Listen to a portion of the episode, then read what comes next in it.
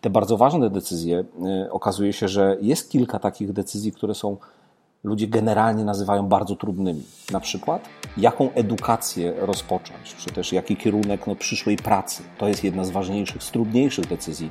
Zapraszam do podcastu Rozwój Osobisty dla Każdego.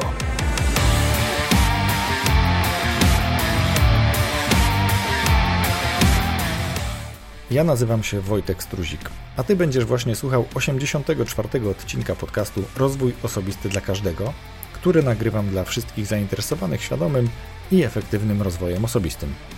Gościem w tym odcinku jest Marcin Renduda, który przybliży nam procesy podejmowania decyzji, dokonywania wyborów. Ale zanim zaproszę Cię do rozmowy, tradycyjnie mam kilka tematów. W ostatnim odcinku opowiadałem o kolejnych rzeczach, których nauczyłem się z podcastu. Nauczyłem się od swoich gości, na przykład. Materiał dostępny jest także w formie wideo, więc jeśli jeszcze nie słuchałeś lub nie widziałeś, to zapraszam Cię także na kanał podcastu na YouTubie. Wystarczy, że znajdziesz tam kanał o nazwie takiej samej jak podcast, czyli Rozwój Osobisty dla Każdego. Tradycyjnie też w tym miejscu podziękuję swoim patronom, którzy genialnie mnie wspierają i tym samym biorą realny wpływ, czy też biorą realny udział w rozwoju tego podcastu. Mają nie tylko dostęp za kulisy tego, jak tworzę podcast, ale faktycznie tworzą go wraz ze mną. Propozycje gości, pomysły na tematy czy pytania, jakie zadają patroni, powoduje, że stają się tak naprawdę współtwórcami tego podcastu. Ja w zamian robię to, co potrafię, robię co mogę, żeby się w jakiś sposób zrewanżować. I tak z ostatniej chwili mogę powiedzieć, że patroni otrzymali od gości podcastu w ostatnim czasie kilka bardzo ciekawych książek. Więc korzyść z takiego wsparcia jest obopólna. Dziękuję więc Michalinie, Zbyszkowi, Krzyśkowi, Tomkowi oraz dwóm Marcinom, a także pozostałym anonimowym patronom. Jeśli więc i Ty chcesz mieć wpływ na rozwój tego podcastu, czujesz, że to, co publikuję jest wartościowe i chcesz mnie w tym wesprzeć, wejdź na stronę patronite.pl łamane przez RODK i wybierz dogodny dla siebie próg wsparcia. Zapraszam także na nową stronę podcastu. Strona znajduje się pod adresem rozwójosobistydlakażdego.pl pisane bez polskich znaków. Jest tam też prezent dla tych, którzy zapiszą się na newsletter, a ja obiecuję, że nie spamuję. Ci, do których czasem napiszę, mogą to potwierdzić. Polecam też newsletter Najlepsze Polskie Podcasty, bo jeśli słuchasz podcastów, to z pewnością zainteresuje Cię to, co rekomendujemy w każdą sobotę, bo w soboty wysyłamy do porannej kawy nasz newsletter. Wejdź na najlepszepolskiepodcasty.pl i zapisz się. Możesz też wejść do naszej czytelni i zapoznać się z artykułami na temat podcastów. A teraz już do sedna.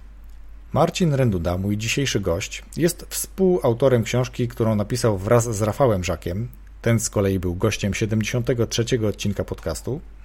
Książka mówi o podejmowaniu decyzji, o procesie dokonywania wyborów. I właśnie o tym sobie dzisiaj z Marcinem porozmawialiśmy. Co nami kieruje? Czy potrafimy podejmować decyzje? Jak lepiej podejmować decyzje? Jaki jest wpływ emocji, ale i decyzje, jakie są podejmowane intuicyjnie? To w tak naprawdę dużym skrócie nasza rozmowa. Zapraszam do jej wysłuchania. Wszystkiego dobrego. Dzień dobry, witam wszystkich e, bardzo serdecznie. Nazywam się Marcin Renduda. E, zajmuję się, to jest zawsze tak w naszym zawodzie trudne do zdefiniowania, szczególnie żeby komuś bliskiemu, kto jest daleki od tego świata, wytłumaczyć.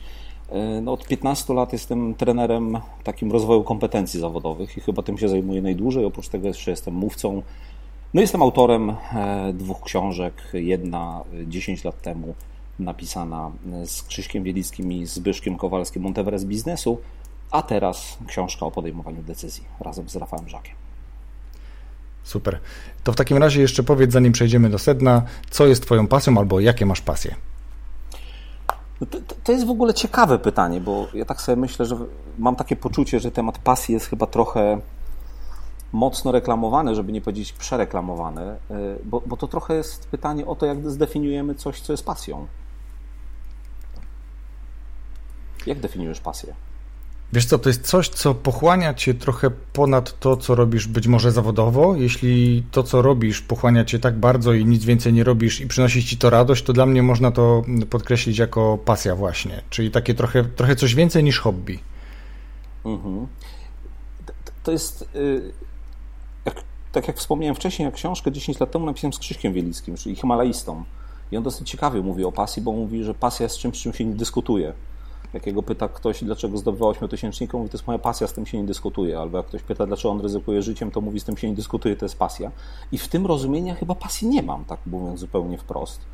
E, bo jeśli miałbym powiedzieć coś, na co poświęcam ponadnormatywnie czas, to na dwa obszary. Po pierwsze na rodzinę, bo mam małe dzieci, a po drugie na pracę. I to jest chyba taka, taka, takie obszary, które faktycznie zajmują dużo mojego czasu. Oczywiście kwestii hobby, nie wiem, powiedziałbym y, sport, triatlon, czytanie książek i tak dalej, czyli trochę takie rzeczy, jak się wpisze, wpisuje do CV, ale coś takiego, co byłoby e, faktycznie, y, jak niektórzy mówią, jeżeli szukasz y, motywacji do swojej pasji, to znaczy, że to nie jest twoją pasją, to chyba i nie mam. Mhm. Ciekawe podejście, powiem Ci, bo większość gości raczej uważa, że to, czym się zajmują, to ich tak zajmuje i tak właśnie pasjonuje, że zajmują się tym na poziomie pasji. E, różne są podejścia. Sam dobrze mhm. wiesz, że niektórzy mówią, że e, rób to, co lubisz, a nigdy nie będziesz czuł, że pracujesz, tak? Porównując no, no tak, to z tak. pasją. Z drugiej strony inni mówią, że w momencie, kiedy pasja zacznie przynosić ci pieniądze, przestanie być pasją, etc. Nie? Więc tutaj ciekawe jest również twoje podejście. Jeżeli ubrać pasję w coś takiego naprawdę dużego, z czym się nie dyskutuje, no to nagle może to zmienić postać rzeczy. No, ja, ja absolutnie myślę sobie, że gdybym miał powiedzieć, tak jak powiedziałem wcześniej, coś, co faktycznie poświęca bardzo, czy zabiera bardzo dużo mojego czasu, to ewidentnie jest praca i rodzina. To są takie dwa, dwa obszary. I oczywiście tutaj mogę bardzo pięknie opowiedzieć o tym, że, że y, to jest moja pasja, bo poświęcam dużo czasu, dużo energii, dużo pomysłów, dużo kreatywności, dużo, e, dużo no właśnie y, pasjonujących chwil. E, ale myślę sobie, że, że, że tego typu zabieg dopasowania e, chyba moglibyśmy zastosować przy każdej rzeczy. Więc, y, ale, ale ciekawe pytania a propos pasji. Dobrze, Marcinie, w takim razie idziemy dalej. E, jesteś autorem, współautorem bardzo ciekawej książki, którą ja miałem okazję, z którą miałem okazję zapoznać się i wydaje mi się, że to jest e, bardzo potrzebna pozycja na naszym rynku już jakby pomijając całą kwestię polityczną, której raczej tu w podcaście nie ruszam, a ona świeżo nawiązuje do tego, o czym wy napisaliście z Rafałem w tej książce, to jest y, coś, co mógłbym nazwać sztuką dokonywania wyborów, jeśli zgodzisz się z tym moim krótkim takim wstępem do książki. Tak, absolutnie. No jest to książka o wyborach i o podejmowaniu decyzji. Świetnie. I to, co jest też ciekawe, to to, w jaki sposób opisujecie różne formy dokonywania wyborów, ale później tak naprawdę czytelnik dostaje. Czytelnik, bo chyba nie ma tego w wersji audio jeszcze, prawda? Nie Więc ma, możemy powiedzieć, ma. że czytelnik tak. dostaje jakby gotowe narzędzia, jak dobrze, czy też jak lepiej podejmować decyzje. Więc chciałbym, żebyśmy dzisiaj jakby dużo porozmawiali właśnie o decyzjach, bo decyzje to jest coś, co podejmujemy każdego dnia. Ile? Bo chyba pisaliście w książce o tym, jak wiele decyzji podejmujemy każdego dnia. No, oczywiście są różne statystyki robione. Wszystko zależy, jakie decyzje weźmiemy pod uwagę, ale patrząc na to tak od samego poranka, no to podejmujemy decyzję o tym, czy wstać, podejmujemy decyzję o tym, w co się ubrać Zresztą kwestia wyboru e, w jednym z rozdziałów jest, e, wyboru ubrania porannego jest dosyć dokładnie i ciekawie moim zdaniem e, przedstawiona, bo to trochę pokazuje, kim jesteśmy i na, dlaczego się w odpowiedni sposób chcemy ubrać. Ale już przechodząc, przepraszam, dalej, więc jest kwestia tego, czy idziemy do pracy, to jest kwestia tego, jakie decyzje podejmujemy w pracy, jakie osoby wybieramy do zespołu projektowego, jaką pracę wykonujemy, w jaki sposób. Więc tych decyzji jest, no powiedziałbym, setki, absolutnie setki każdego dnia. No i każda z tych decyzji, czy też bardziej suma tych decyzji, no gdzieś y, buduje nas, to jacy my jesteśmy, to jak wyglądamy, to jak się czujemy, e, to w jaki sposób e, funkcjonujemy z otoczeniem. Więc faktycznie tych decyzji po pierwsze jest dużo, a po drugie one, no mamy takie przekonanie, że budują nas jako, jako ludzi, jako jednostki, ale też jako osoby funkcjonujące w społeczeństwie. Mhm. Można powiedzieć, że decyzje, gdyby tak je klasyfikować tylko czarno-białe, mm, że są dobre lub złe, no to, to są też, oprócz tego, że są dobre lub złe, to mają różną rangę, tak? Czyli gdyby chcieć powiedzieć, że to nie jest średnia, średnia ważona, no to mamy e, ryzyko zupełnie inne, jeżeli powiemy, że ubrałem świadomie lub nieświadomie, bo to też jeszcze może tak być, skarpetkę jedną inną od drugiej. Mhm. E, to jakby konsekwencja dla mnie to co najwyżej, że jak ktoś to zobaczy, to się uśmiechnie. Mm, mhm. Ale są decyzje, które jakby ich podjęcie ma dużo większy wpływ. To już są trochę bardziej poważne decyzje, decyzje dotyczące pracy, decyzje dotyczące inwestowania, decyzje dotyczące tego, z kim spędzę resztę życia. To są takie rzeczy, decyzje, nad którymi warto się chwilę zastanowić. Stąd uważam, że mm, te umiejętności podejmowania właściwych wyborów są ważne, tylko my się, mam wrażenie, nie zastanawiamy nad tym zbyt długo, a chyba warto. Jakbyś zachęcił do dłuższej refleksji nad podejmowaniem decyzji i nad którymi, no dobra, nie będę pogłębiał. Jak zachęcić ludzi do bardziej świadomego podejmowania decyzji? O, to, jest, to jest bardzo ciekawe, ponieważ y, no tak, kiedy przygotowywaliśmy materiał do naszej książki, no to szukaliśmy oczywiście informacji bardzo szeroko i w badaniach, w statystykach, w przeróżnych analizach. I to jest ciekawe a propos decyzji, bo z jednej strony my chcemy lub po prostu wierzymy w to, że podejmujemy po prostu dobre decyzje. Z drugiej strony jest coś takiego w naukach społecznych, co się nazywa żal postdecyzyjny, czyli kiedy podejmiemy decyzję, to trochę żałujemy, że nie wybraliśmy tego drugiego. Nawet takie, e, ta, taki cytat gdzieś znalazłem, przygotowując się, e, przygotowując materiał do książki, e, z, jak, z jakiejś książki, nie pamiętam, przepraszam z jakiej, ale jedna kobieta drugiej tłumaczy, jak to jest z mężczyznami. Mówi, z mężczyznami jest tak jak z autobusem czekasz i nie przyjeżdża żaden, a jak przyjeżdżają, to dwa naraz. E, I, i trochę, trochę to jest a propos żalu postdecyzyjnego. E, więc z jednej strony absolutnie mm, myślę, że każdy z nas ma takie poczucie, e, że decyzje są istotne no bo to jest decyzja o tym, czy idziemy na dietę, albo czy ją kontynuujemy, więc to jest jak żyjemy, w jaki sposób i tak dalej. Ale to, co powiedziałeś, te bardzo ważne decyzje, e, okazuje się, że jest kilka takich decyzji, które są, ludzie generalnie nazywają bardzo trudnymi. Na przykład, jaką edukację rozpocząć, czy też jaki kierunek no, przyszłej pracy. To jest jedna z ważniejszych, z trudniejszych decyzji, e, z de decyzji w życiu. Gdzie mieszkać? To jest też ciekawa ciekawa decyzja, ale również jaki wybrać samochód. To jest też ciekawe, że te decyzje... O, tu w przypadku samochodów to myślę, że bardzo często jest żal postdecyzyjny, bo za chwilę wychodzi nowy model. E, to, to jest jedna rzecz, że wychodzi nowy model. Druga rzecz, e, że my przy wyborze akurat samochodu, e, ja trochę pracuję dla branży automotive i to jest bardzo ciekawe, ponieważ samochód jest co do zasady czymś niezwykle racjonalnym, takim narzędziem, które ma nas przewieźć z miejsca A w miejsce B a kryteria, które stosujemy przy wozie samochodu, no bardzo często one są bardzo mało racjonalne, tylko są bardzo emocjonalne. Czyli na koniec dnia chcemy, żeby w tym samochodzie, samochodzie trochę czuć prestiż, trochę czuć emocje i żeby ktoś, kto nas widzi w tym samochodzie, żeby nas podziwiał. Więc to są absolutnie emocjonalne rzeczy.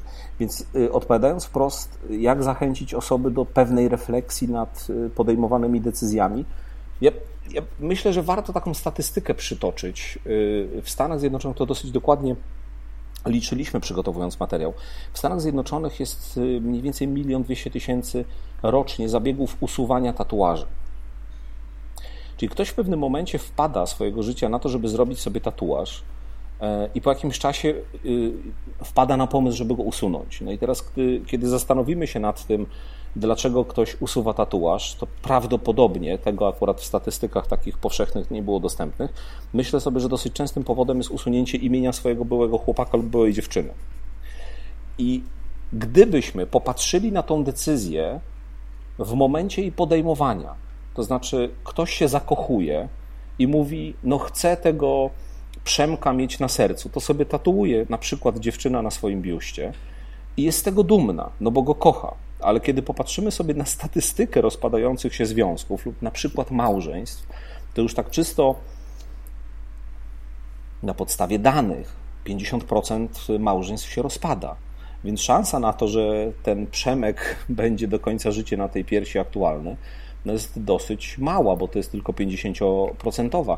Więc myślę sobie, że patrząc chociażby na tego typu decyzje, które z jednej strony są bardzo no, proste, łatwe, a z drugiej strony no, mają wpływ na dalsze funkcjonowanie, bo potem dziewczyna rozstaje się z tym Przemkiem i ma dwie wyjścia, albo ten tatuaż zlikwidować, albo szukać sobie Przemka. Nie ma za bardzo jest, innego wyboru. To jest, to jest trochę tak, aczkolwiek powiem Ci, że y, myślę, że samochód jest tutaj też takim dobrym y, odnośnikiem, dobrym przykładem do tego, żeby porozmawiać o wyborach, bo on jest taki, że wiele osób, albo tak, no powiedzmy, wiele osób nad tym samym samochodem albo nad wyborem samochodu będzie się zastanawiało być może nawet tak samo długo i wybierze zupełnie różne modele samochodów. Bo jedna osoba będzie się kierowała tym, że zależy jej na tym, żeby kolor był czerwony. Druga osoba będzie kierowała się tym, żeby auto było bezpieczne. Trzecia osoba będzie się kierowała tym, żeby było, nie wiem, ekonomiczne, ekologiczne, a jeszcze ktoś inny, żeby się mieściło w garażu, a jeszcze ktoś inny, żeby miało coś tam i tak dalej, i tak dalej. Więc jakby mm, dla jednego przedmiotu, jakim jest samochód, oczywiście występujący w bardzo wielu wariantach, będziemy dokonywali różnych wyborów na podstawie naszych różnych przekonań, wartości, potrzeb, i tak dalej, i tak dalej. Więc tutaj jak gdyby myślę, że ta refleksja, dlatego o niej mówiłem, bo ona jest istotna i myślę, że tutaj też mamy taką tendencję do tego, żeby zwracać uwagę na wybory innych, nie tylko przy tym e, samochodzie, ale nie wiem, w czasach, bo sąsiedzi byli gdzieś tam i tak dalej, i tak dalej, że wtedy nagle zapominamy o tych wartościach, zapominamy o takich naszych kryteriach wyboru i patrzymy przez pryzmat innych ludzi. Jak do tego podejść? Jak, jak to ugryźć generalnie? Albo jak no unikać ja, czegoś ja, takiego, jeśli ja to myślę, jest złe? Ja myślę, że do, dotknąłeś cudownego w ogóle tematu, jeżeli chodzi o podejmowanie, e, o podejmowanie decyzji, czyli o świadomość własnych kryteriów decyzyjnych. I myślę, że z punktu widzenia podejmowania decyzji, no takich trochę zakupowych, bo podałeś przykład wczasów, czy podałeś przykład, mm, e, przykład samochodu, samochodu, to jest mhm. kluczowa rzecz. To znaczy, żeby absolutnie wiedzieć, czego się szuka. Ponieważ jeżeli my nie wiemy, czego szukamy, to bardzo łatwo wpaść nam w pułapki. I na przykład, kiedy będziemy e, patrzyli sobie na innych, no to jest e, trochę taka no, reguła tego, że inni decydują za mnie. Jeżeli popatrzę sobie na moją ulubioną e, aktorkę, która gdzieś pojechała, no to jest reguła autorytetu i patrzę, no skoro ona jedzie na, teraz to już jesteśmy w momencie pandemii, więc nie wiem, gdzie można jechać na wczasy, ale skoro ona jedzie na Mazury, to ja wszędzie, też chcę. Wszędzie. Okazuje się, że można, wszędzie. Można wszędzie jechać na wczas. Więc, więc świadomość własnych kryteriów decyzyjnych, a to oznacza, ja bym powiedział dwie rzeczy. Trochę, po pierwsze, lepsze rozumienie siebie, bo ja uważam, że to jest bardzo ważna rzecz. Taki dylemat, który bardzo często y, jest w osobach, które wchodzą, nazwałbym to w dorosłość, czyli taki moment, kiedy rodzą się dzieci i je wychowujemy, to jest gdzie chcę mieszkać. Czy chcę mieszkać w centrum miasta, w powiedzmy 60-metrowym mieszkaniu, czy lepiej mieszkać na przedmieściach i zamieszkać w szeregówce. I teraz, y, kiedy słuchamy różnego rodzaju, y, różnego rodzaju mm, rozważań na ten temat, to bardzo często osoby przedstawiają taki argument, no w tej samej cenie to ja wolę mieć więcej metrów. No i nagle może się okazać, że to jest prawda, że ktoś kupuje ten dom na, na przedmieściach i jest z niego super zadowolony, dzieci biegają po ogrodzie i tak dalej. Ale z drugiej strony jest jeszcze masa kryteriów, które trzeba wziąć pod uwagę.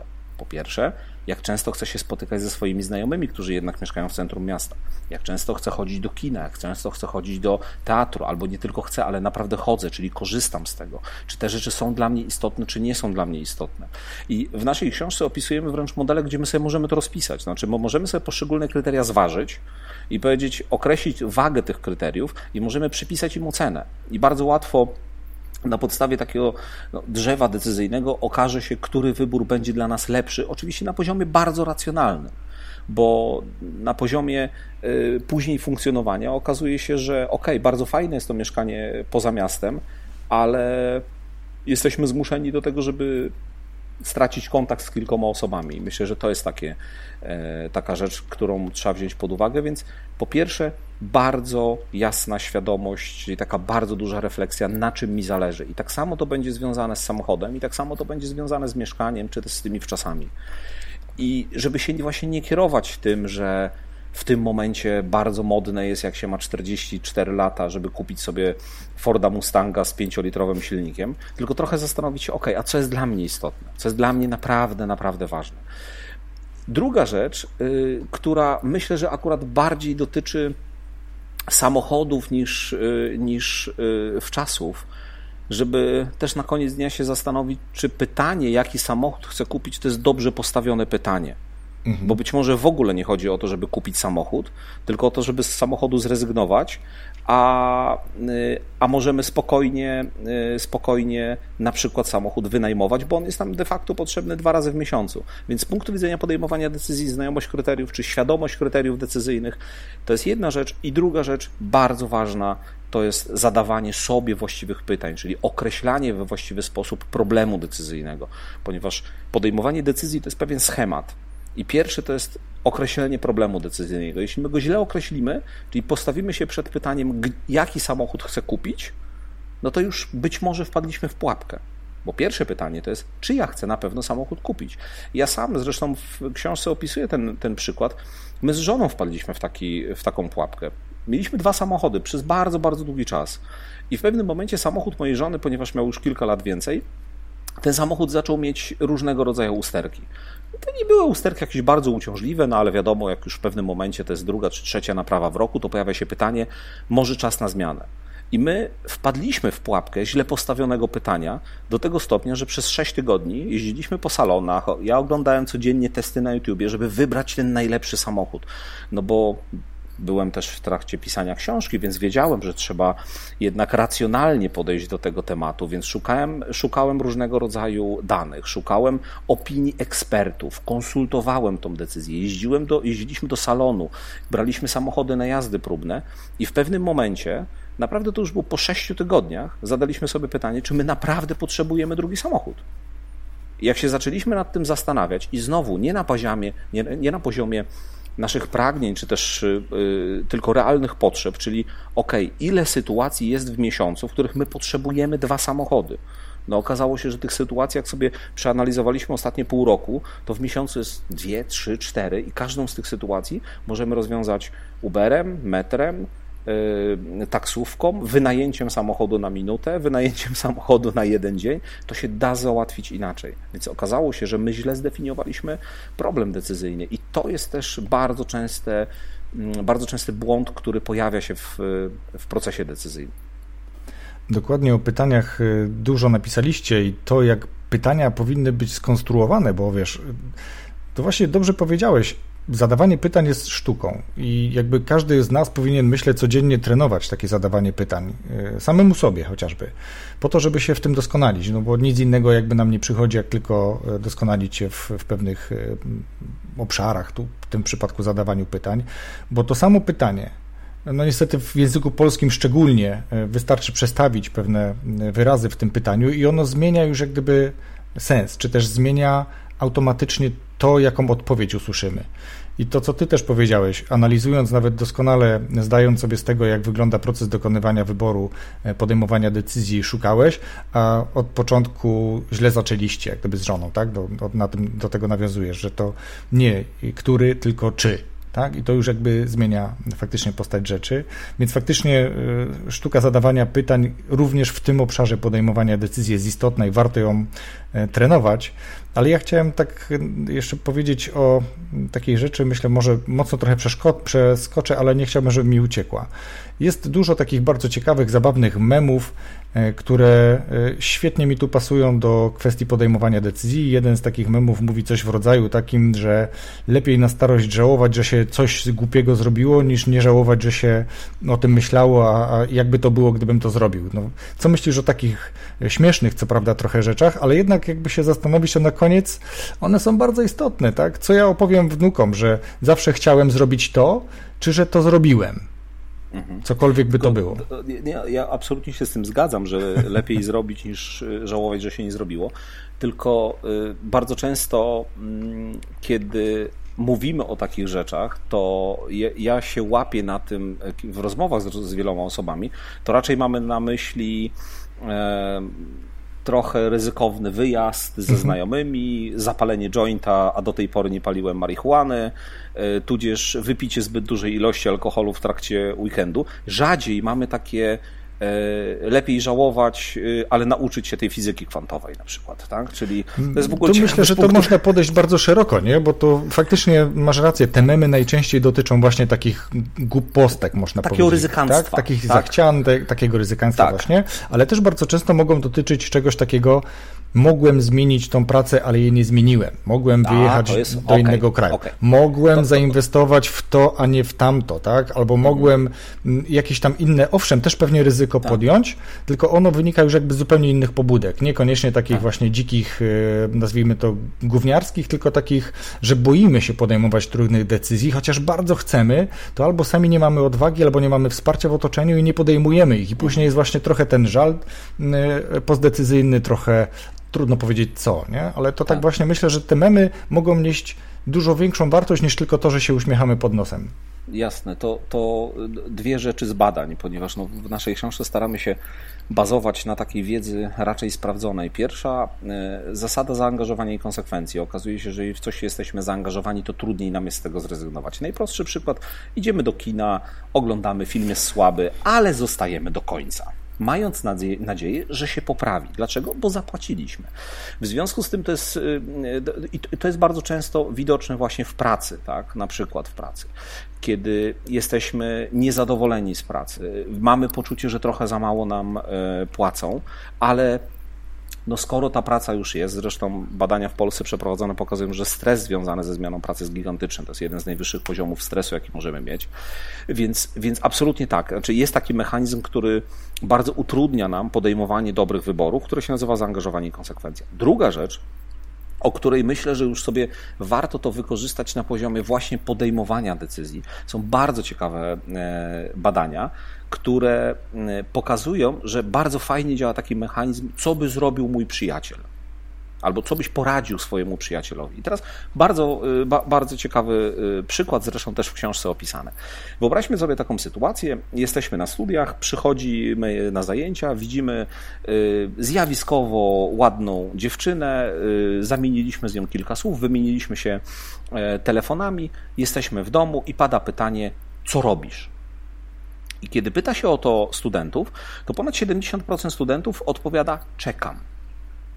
Kiedy przeformułuje się to pytanie i zada się pytanie, co byś podpowiedział w takiej sytuacji swojemu przyjacielowi, to znowu ponad 70% studentów mówi: powinieneś zadzwonić do tej dziewczyny i zaprosić ją tam na randkę i tak dalej. I to jest ciekawe, czyli popatrzenie na tą sytuację z trochę innej perspektywy, no właśnie z perspektywy tylko ważne, swojego przyjaciela, co byś podpowiedział swojemu przyjacielowi, nagle zupełnie daje inny obraz. I to jest jedna z technik podejmowania decyzji. Czyli mam trochę problemy w pracy, trochę mi się nie podoba, czuję wewnętrznie, że to nie jest dla mnie ten moment. I trzeba sobie zadać pytanie, co ja bym w tej sytuacji powiedział swojemu przyjacielowi? No prawdopodobnie powiedziałbym, no szukaj innej pracy tych badań, które pokazują ten mechanizm, jest faktycznie sporo zrobione. Bardzo dobra metoda na to, żeby nabrać dystansu do trudnych decyzji, popatrzeć na nie z innej perspektywy. To jest trochę jak z efektem Challengera. Tak już tak. dużo pieniędzy wydano na ten projekt, że ciągnięto go przecież przez tyle lat, pomimo że wiadomo, że mm, raczej już szans zwrotu e, z niego nie było. Więc trochę to jest jakby też o tym, nie? Tych przykładów oczywiście y, jest cała masa. One są i w biznesie, i w sektorze mhm. publicznym, ale też bardzo dużo takich indywidualnych. Ktoś jest w toksycznym związku, z niego nie wychodzi, no bo jest jednak w związku, więc, więc w nim tkwi. Więc ta zasada jest bardzo, bardzo częsta. No, czasami już idąc dalej, to w takich związkach dla ratowania związku podejmuje się decyzję bardzo często głupią, to, to nie wiem, żenimy się, to albo to decydujemy tak. się na dziecko, tak? I to jakby tylko. Bo to nam pomoże. Ten, dokładnie, a tu się e, tak naprawdę niewiele no, zmienia. No, ale, Wie... też, ale też pamiętajmy o tym, w jakim trochę systemie kulturowym żyjemy. No przecież w Polsce jest powiedzenie, jak powiedziało się A, to trzeba, to powiedzieć, trzeba B. powiedzieć B. Mhm. No właśnie, a z punktu widzenia podejmowania decyzji powinno to brzmieć, jak powiedziało się A, to można powiedzieć dowolną inną literę. I również jeszcze raz można powiedzieć A, jeśli to jest właściwa decyzja.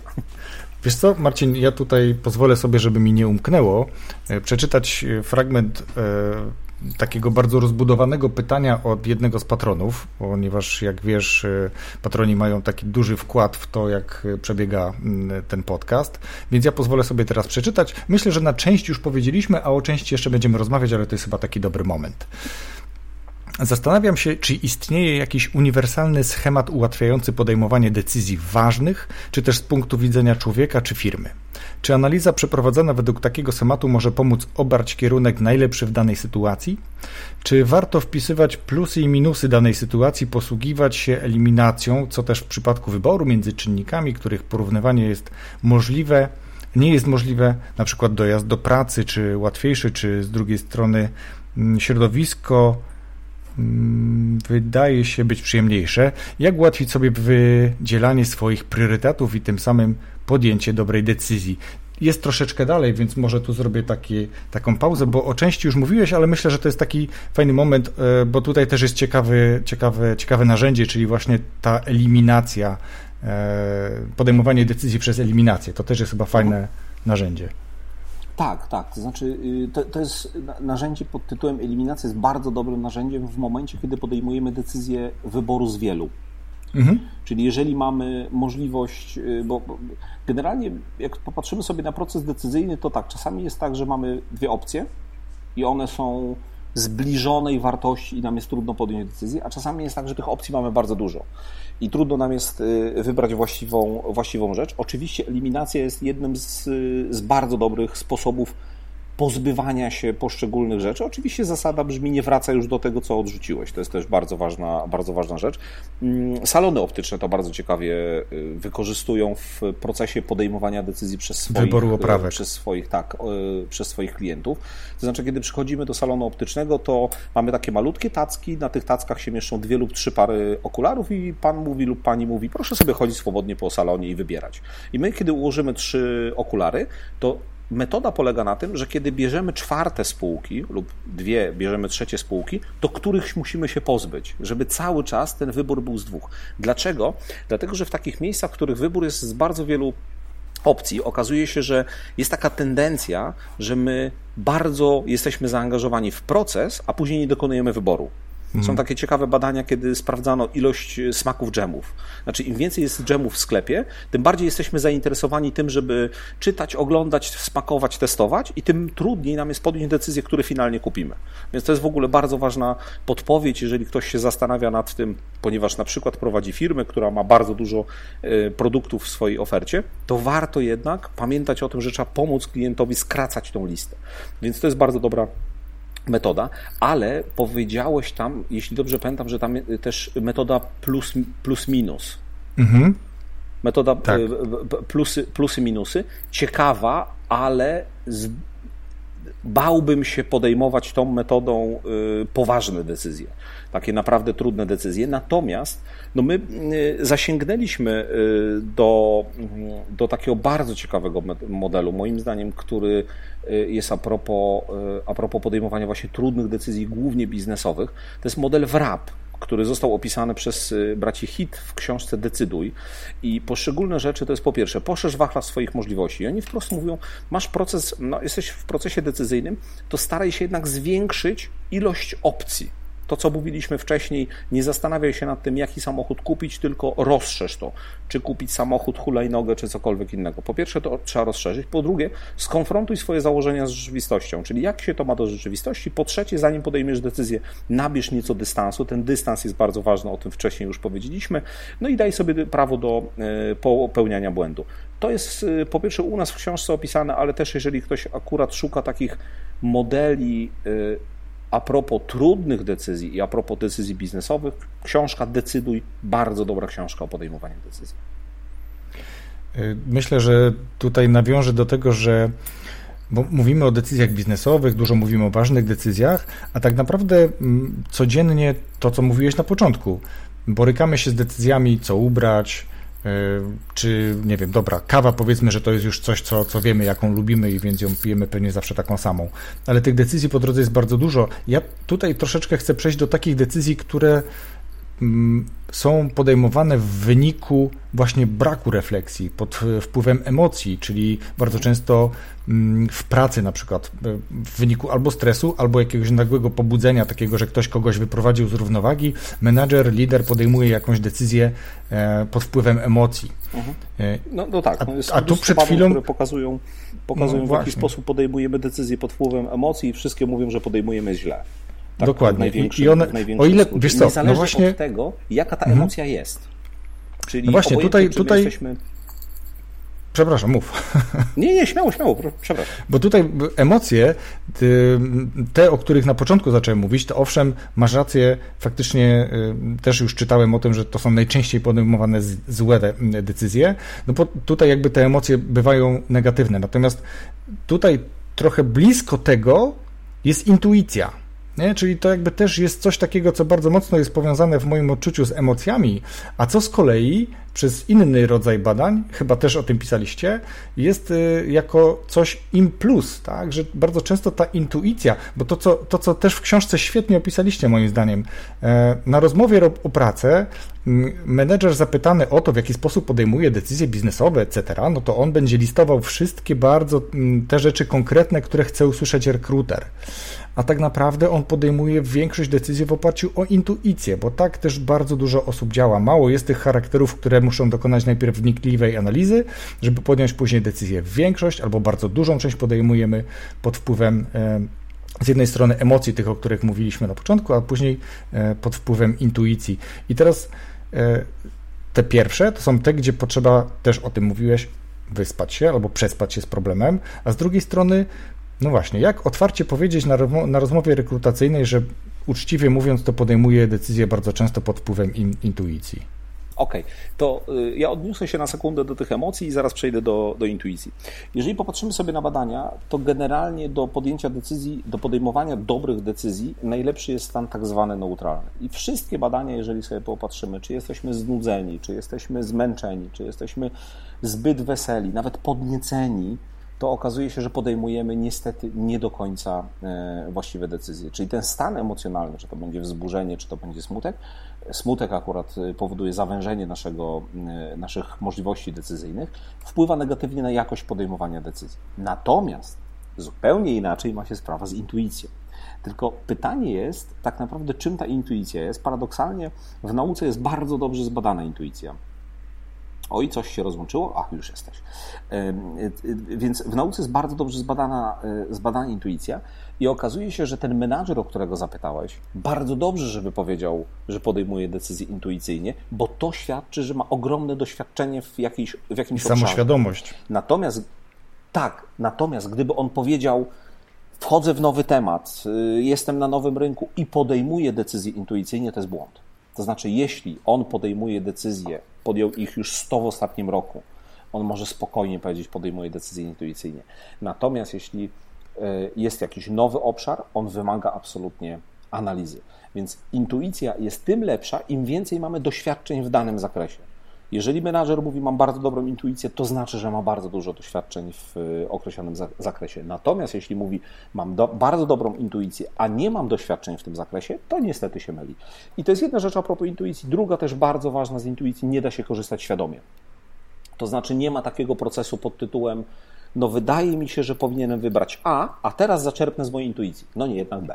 No to ten mechanizm tak nie działa. To działa zupełnie, zupełnie nieświadomie, ponieważ to są te informacje, które są zapisane na podstawie naszych, y, naszych doświadczeń.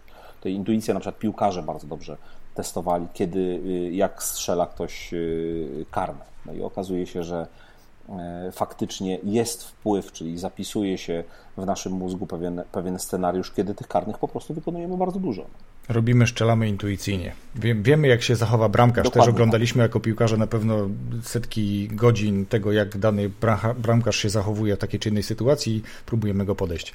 Wiesz co, pozwolę sobie doczytać do końca, bo tu jest bardzo dobra część tego pytania od y, Michaliny że ostatnio właśnie miała okazję parę razy pomagać osobom e, w podejmowaniu decyzji mm, i sama się zastanawia, czy taki schemat przez nią wypracowany, który działa u niej, też może być do zastosowania u innych i czy on się sprawdzi. Mhm. A jaki jest ten schemat? Mm, wiesz co, podejrzewam, że to chodzi o tą drogę eliminacji, o której jakby tutaj pisała wcześniej. A, okej, okay, okej. Okay. Znaczy, jest oczywiście sporo różnego rodzaju schematów mhm. Y, decyzyjnych. Generalnie, generalnie mm, schemat decyzyjny wygląda tak. Pierwsze, zdefiniuj dobrze y, problem decyzyjny. I to jest, to, to, jest pierwsza, najważniejsza rzecz.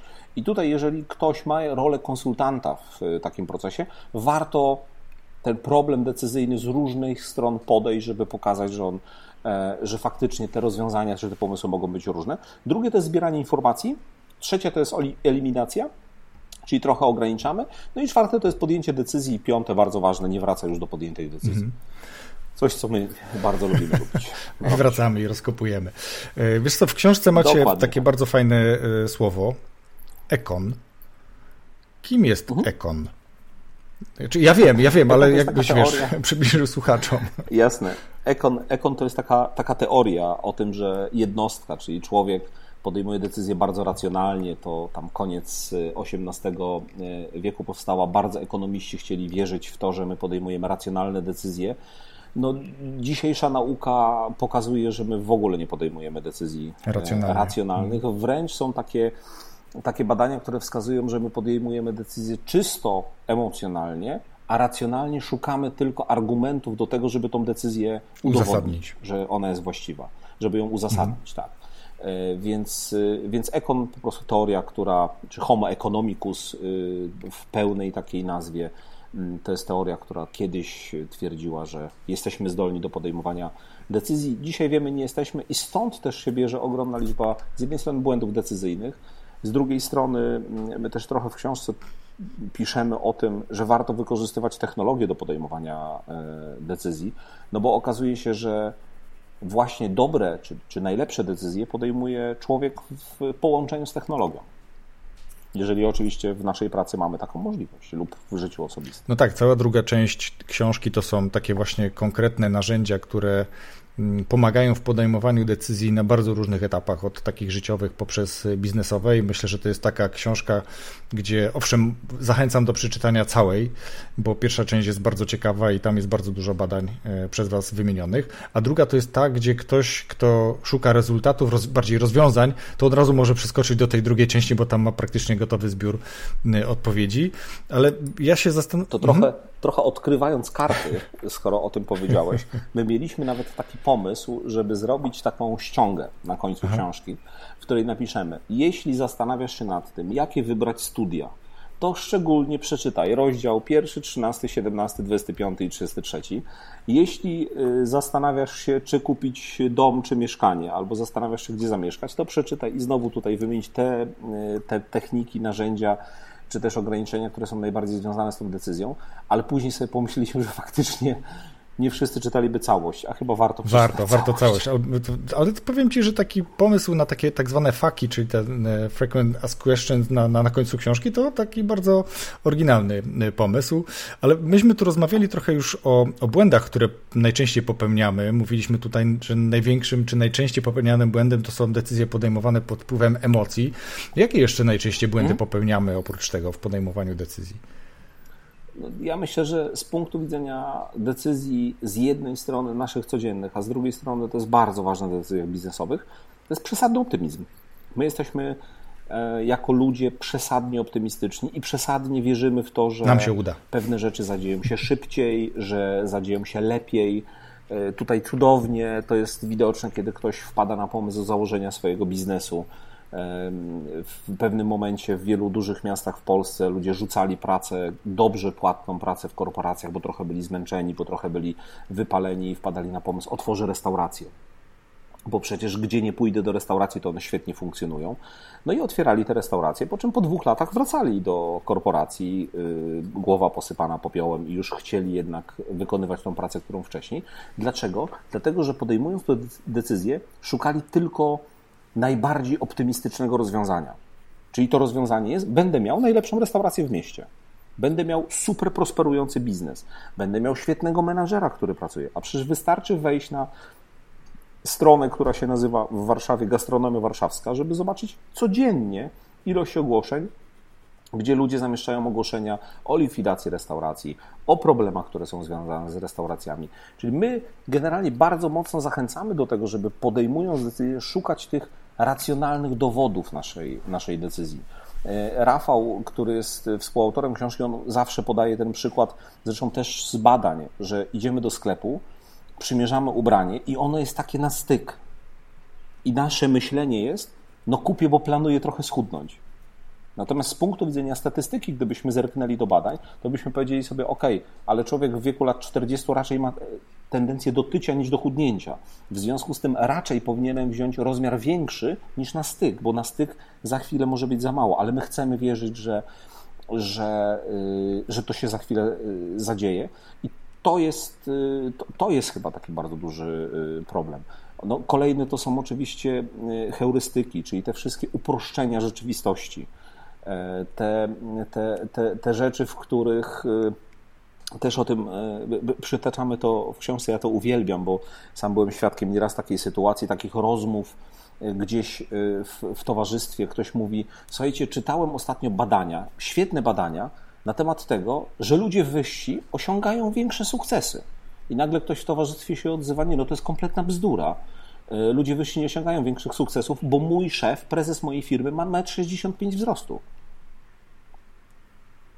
No, heurystyka dostępności. Mamy dostępne takie informacje, chcemy z nich czerpać. Natomiast na podstawie badań jednak to trochę inny e, wzrost decyduje o tym, że częściej ktoś ma e, ten sukces lub nie. Zresztą dzisiaj no to jest bardzo widoczne, kiedy e, są różnego rodzaju mm, takie teorie spiskowe w internecie przedstawiane a propos pandemii są ludzie, którzy mówią, lekarze, autorytety, tak, jest choroba, jest pandemia, jest epidemia, to nie jest temat dyskutowalny, to jest temat, który po prostu, po prostu istnieje, a jest masa ludzi, którzy mówią, nie, to chodzi o nanochipy, żeby Bill Gates nam wszczepił i żeby nam, nas mógł śledzić. Tak, bo w gronie moich znajomych nikt Kwestia nie choruje, tego, więc czym... to jest wymyślona choroba. Dokładnie, o, to, uwielbiam to, to, mm. jest, to jest cudowny, tak. cudowny mm, argument, w związku z tym, że w Polsce jest zdefiniowanych tam w tym momencie 40 tysięcy, czy do tej pory było 40 tysięcy osób i ktoś wpada na pomysł, ja nie znam ani jednej osoby, która zachorowała. Ja sobie jestem w stanie wyobrazić, że w 38-milionowym kraju nie zna ktoś tych właśnie 37 milionów 960 tysięcy. Pozostałych zna wszystkich, ale, ale znaczy te 38, 37 milionów zna, ale tych 40 tysięcy nie zna. Jestem w stanie sobie to wyobrazić. Innymi jeszcze... Mhm. Więc, więc czerpanie, czerpanie, szukanie wiarygodnych danych to jest bardzo też ważna rzecz z punktu widzenia podejmowania. Ale ja myślę, że, że znowu możemy zejść trochę na poziom przysłowiowego Kowalskiego i Nowaka, nie mając nic do Kowalskich i Nowaków, ale jest bardzo dużo takich rad, takich narzędzi, bo można potraktować to jako narzędzie, a chyba też w książce o tym piszecie, mm, że na przykład idąc na zakupy, nie idź głodny. Tak? Bo jakby tak, automatycznie tak, to... ci wszyscy eksperci od marketingu, od tego in-store, oni doskonale wiedzą, że jak ty jedziesz po pracy, jesteś głodny, jesteś poirytowany, chcesz to zrobić jak najszybciej, ładujesz do tego wózka znacznie więcej rzeczy, które realnie potrzebujesz i później się jakby czyta te statystyki, jak wiele ton żywności wyrzucamy, marnujemy, bo między innymi właśnie dlatego, że nie potrafimy podjąć racjonalnej decyzji, bo kieruje nami już trochę coś innego e, niż powinno. No, ja, ja, myślę sobie w ogóle, że temat galerii handlowych czy hipermarketów to jest taki no, kunszt już y, marketingu. Ja w swoim zawodowym życiu bardzo dużo zajmuję się marketingiem i, y, i sprzedażą, czyli patrzę na to trochę z tej drugiej strony. No i teraz jak popatrzymy sobie na to, jak funkcjonują galerie handlowe, oczywiście dzisiaj w czasie mm, epidemii to trochę inaczej wygląda, w sensie tam jest po prostu mniej osób, ale jak popatrzymy sobie, jakie techniki są stosowane, no to nagle można bardzo łatwo zobaczyć, jakimi narzędziami ktoś próbuje na nas wywrzeć wpływ. W galerii handlowej po pierwsze nie ma żadnych zegarów. Jak nie wiem, czy ktoś zwrócił na to uwagę z naszych słuchaczy, ale nie ma zegarów. Dlaczego? Dlatego, żeby nie wpędzać człowieka w jakiś stres, żeby się śpieszył. Po drugie, leci muzyka, a nie wiadomości. Czyli nie ma radia włączonego, tylko leci muzyka, która jest nagrana. Dlaczego? Dlatego, że wiadomości mogą być negatywne, a ktoś usłyszy negatywne wiadomości, mniej kupi. W związku z tym, kiedy my jesteśmy otoczeni, czyli próbuje na nas się wywrzeć tą właśnie pozytywną atmosferę, uczucie przyjemności i tak dalej, bo my wiemy, że jesteśmy wtedy bardziej skłonni. Personel w sklepach jest ultra miły, sympatyczny, y, przyjemny. W związku z tym zasada, która się nazywa w psychologii społecznej sympatia, lubienie tutaj zaczyna, y, zaczyna funkcjonować. Wchodzimy do sklepu, no te sklepy duże spożywcze do, do, do perfekcji mają opanowane, gdzie produkty mają stać, na której półce. My jesteśmy leniwi, nam się nie chce schylić półkę niżej, bierzemy to, co jest y, mniej więcej na wysokości od pasa do, do oczu. To jest nam łatwiej po to sięgnąć. Tam są te rzeczy, które są dla sklepu najbardziej marżowe, niekoniecznie dla nas najbardziej y, opłacalne. Zakupy te impulsowe w kolejce, mhm. kiedy, kiedy stoimy, żeby jeszcze tam gumy wrzucić, y, czy też czekając z dzieckiem, żeby dziecko y, zawołało czekoladkę. Więc oczywiście z punktu widzenia takich decyzji zakupowych, no tutaj musimy być bardzo mocno wyczuleni na to, żeby mieć świadomość taką, że często to nie my podejmujemy decyzje, tylko sklep za nas. Dokładnie tak. Ja myślę, że w całym procesie podejmowania decyzji jest jeszcze jedna bardzo ważna rzecz. Jakich decyzji nie podejmować, tak? albo nie dokonywać pewnych wyborów, bo tutaj mm, bardzo dobrze, że przypomniał mi się ten wątek w momencie, kiedy mówimy o zakupach, o tym, jak nami e, sterują e, szefowie czy jakby specjaliści do spraw marketingu, mm, ale myślę, że ważne jest to, żeby umieć odmówić sobie umieć odmówić podjęcia decyzji. Najczęściej znowu mówię o decyzji zakupowej, czego nie kupić, żeby bo to się później okazuje, że, że jakby ta rzecz jest zbędna. I też jedna z takich technik jest, tu akurat przyznam, nie wiem, czy, czy jest w waszej książce, żeby w momencie, kiedy masz pomysł, że coś potrzebujesz zakupić do domu. Niech to jest jakiś przykładowy sprzęt AGD czy RTV, bo to są takie dosyć istotne jakby dla budżetu domowego wydatki. To poczekaj miesiąc Zobacz, czy mhm. faktycznie przez ten miesiąc miałeś taką pilną potrzebę z tego nowego, potencjalnie nowego urządzenia skorzystać. Jeśli nie, no to może nie zaoszczędziłeś, no bo po prostu te pieniądze miałeś, tylko nie straciłeś tych pieniędzy, nie wydałeś ich niepotrzebnie, bo to mogło być jedno z kolejnych urządzeń, które wylądowałoby po, po dwóch miesiącach użytkowania gdzieś w szafie na strychu, albo dostałby to e, ktoś z rodziny, czy być może sprzedalibyśmy ze stratą. Nie? Więc znowu umiejętność nie podejmowania decyzji myślę też jest dosyć istotna. Nie wiem, czy się ze mną zgodzisz. My, my, oczywiście, oczywiście. My piszemy o takiej technice, y, która też jest no, szeroko opisywana, prześpi się z tym. Znaczy, mhm. jeżeli pojawia się pewien dylemat decyzyjny, to okazuje się, że przespanie się i chodzi oczywiście z jednej strony o to fizyczne przespanie, a z drugiej strony o trochę nabranie dystansu do, do pewnych rzeczy. Bardzo dobrze działa. Y, to czasami może być miesiąc, ten o którym mówisz, jeżeli to jest długi, mm, jakaś bardzo poważna decyzja, ale czasami przy takich zakupach impulsowych warto powiedzieć sobie: OK, poczekam do jutra. Mhm Zobaczę, czy jutro tak samo będę chciał tego, y, tego, dokonać tego, tego zakupu. Y, I to samo dotyczy różnego rodzaju naszych decyzji biznesowych, czy decyzji w pracy, decyzji o e, rezygnacji z pracy, kiedy popatrzy się na to, w jakich sytuacjach ktoś zastanawia się nad tym, na przykład dlaczego zrezygno- żeby zrezygnować z pracy, to okazuje się, że to są sytuacje bardzo impulsowe. Wkurzył mnie szef, mam konflikt ze swoim y, kolegą, y, mam nieprzyjemną rozmowę, usłyszałem informację zwrotną, której nie chciałem usłyszeć, rzucam to wszystko. Spokojnie. Poczekaj dzień, poczekaj dwa. Poszukaj informacji na temat tego, jak wygląda dzisiaj rynek pracy, ile jest ogłoszeń, czy łatwo jest znaleźć pracę w Twoim e, zawodzie, bo trzeba zawsze znaleźć taki balans. Z jednej strony to, co powiedzieliśmy wcześniej, zaangażowanie i konsekwencja, i mamy pewną tendencję do tego, żeby nie wychodzić z rzeczy, w których jesteśmy, ale z drugiej strony zróbmy to świadomie, zbudujmy trochę swoją wartość i podejmijmy tą decyzję, ale na poziomie bardziej logicznym niż emocjonalnym. Dokładnie tak, i myślę, że to jest właśnie to, co w tej książce, jakby mam wrażenie, takie sedno jest e, wyłowione, bo po pierwsze książkę czyta się bardzo lekko, e, a już jeżeli mówimy o tym, że ktoś chce przeskoczyć na koniec, no to przeskakuje do gotowych rozwiązań, jeśli ma takie życzenie, bo na to jakby nie macie jako autorzy wpływu, co kto e, w danej książce będzie czytał, ale świetnie to, tak jak mówię, rozegraliście, bo mm, myślę, że cała jest tak czy inaczej warta prze, przeczytania, ale tak jak w przypadku waszej książki są na pewno na rynku również inne, ale może niekoniecznie o inną książkę tego typu chciałbym zapytać. Chciałbym ciebie zapytać, zapytać o książkę lub cokolwiek innego wartościowego. To może być osoba, kanał na YouTubie, ktokolwiek, kogo uważasz, że warto obserwować, polecać, bo wywarł na przykład na tobie jakieś bardzo pozytywne wrażenie. Mówiliśmy chwilę przed y, uruchomieniem nagrywania o książce Wszyscy kłamią, którą w moim podcaście polecał y, Rafał Żak, który jest współautorem tej książki. Ja przyznaję, że ta książka po prostu powaliła mnie. Ja ją przesłuchałem prawie dwa razy i, i faktycznie jest to książka ciekawa. Ciekaw jestem, co ty z kolei polecisz. Wiem, że masz gdzieś tam pod ręką coś, więc czekam, co to. Więc tak, po pierwsze polecam y, stronę, przepraszam, kanał na YouTubie Rafała Żaka, mhm. czyli y, kanał, który się nazywa Teraz, Teraz wiesz, całkiem y, nowy kanał. Bo Rafał Rafał, e, Rafał, no, robi tam Rafał zresztą robi z tego no. później podcast, więc... E, tak, tak, tak. Robi, robi absolutnie niezwykłą robotę na poziomie tego, jeśli kogoś interesuje posłuchanie trochę o swoim rozwoju, o rozwoju firmy, ale nie na poziomie, przepraszam, takiego motywacyjnego blablania, tylko na poziomie faktów, na poziomie tego, co ma faktycznie wpływ na na różne rzeczy, to, to tego warto słuchać. Y, dwie książki, które uważam, że są zjawiskowe. Po pierwsze książka Prawda, krótka historia wciskania kitu. Y, książka absolutnie wybitna o tym, jak ktoś ma na przykład taki pomysł, że dzisiaj to jest bardzo duża fala fake newsów, to po tej książce będzie wiedział, że zawsze była. To nie jest tak, dzisiejsze czasy się niczym nie wyróżniają, to, że po prostu zmienił się nośnik, one są w internecie, a nie w gazecie. Cudowna książka o tym, która, która pokazuje, jak łatwo my wierzymy w bzdury, mhm. tak mówiąc wprost. I druga książka, w trakcie której jestem właśnie czytania, yy, książka Szkodliwa medycyna.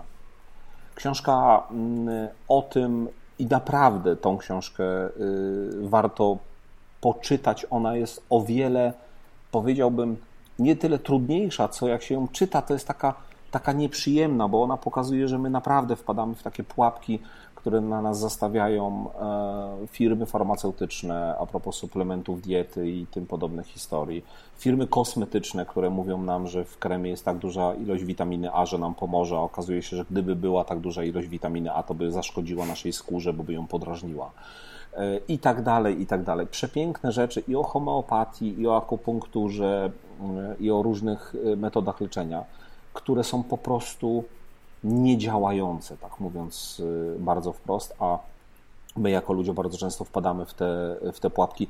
Więc to są takie rzeczy, które bym na świeżo bardzo, bardzo polecił, bo to moje ostatnie, y, ostatnie rzeczy, które właśnie przeczytałem. Świetne, świetne pozycje. Świetnie, to ja w takim razie oprócz tego oczywiście, że mm, podlinkuję waszą książkę, to podlinkuję też y, kanał e, Rafała. Mm, podlinkuję też te dwie pozycje, które, które powiedziałeś. Notabene kanał Rafała, ten kanał bardziej podcastowy niż YouTube'owy, już w takim innym moim projekcie, najlepsze polskie podcasty też rekomendowaliśmy w naszym co sobotnim e, newsletterze, więc ci słuchacze, którzy jeszcze nie mieli okazji się zapisać, to zapraszamy, jeśli lubicie podcasty, a słuchając tego wierzę, że lubicie. E, dobrze, dziękuję za te, za te polecenia, za te rekomendacje. Teraz jeszcze, jakbyś Marcinie powiedział, gdzie Ciebie znaleźć? Gdyby ktoś chciał Ciebie o coś zaczepić, zapytać, poprosić o to, żebyś gdzieś poprowadził jakieś wystąpienie, szkolenie, bo powiedziałeś, że jesteś trenerem, to w jaki sposób najlepiej się z Tobą łapać? Jestem absolutnie, mam otwarty profil na Facebooku, można wejść, y, zaprosić mnie do znajomych y, mam taką zasadę, że nie przyjmuję tylko tych osób, które wiem, że są po prostu fejkowymi kontami, bo to widać. Tak. Natomiast wszystkich pozostałych oczywiście y, zapraszam serdecznie. Jestem na LinkedInie, więc też y, to jest takie medium, z którego korzystam. Y, jeśli ktoś nie ma, bo mówię o social mediach, nie ma, a chciałby się ze mną skontaktować, wystarczy wejść na renduda.pl, są wszystkie kontakty. Rozwój osobisty dla każdego.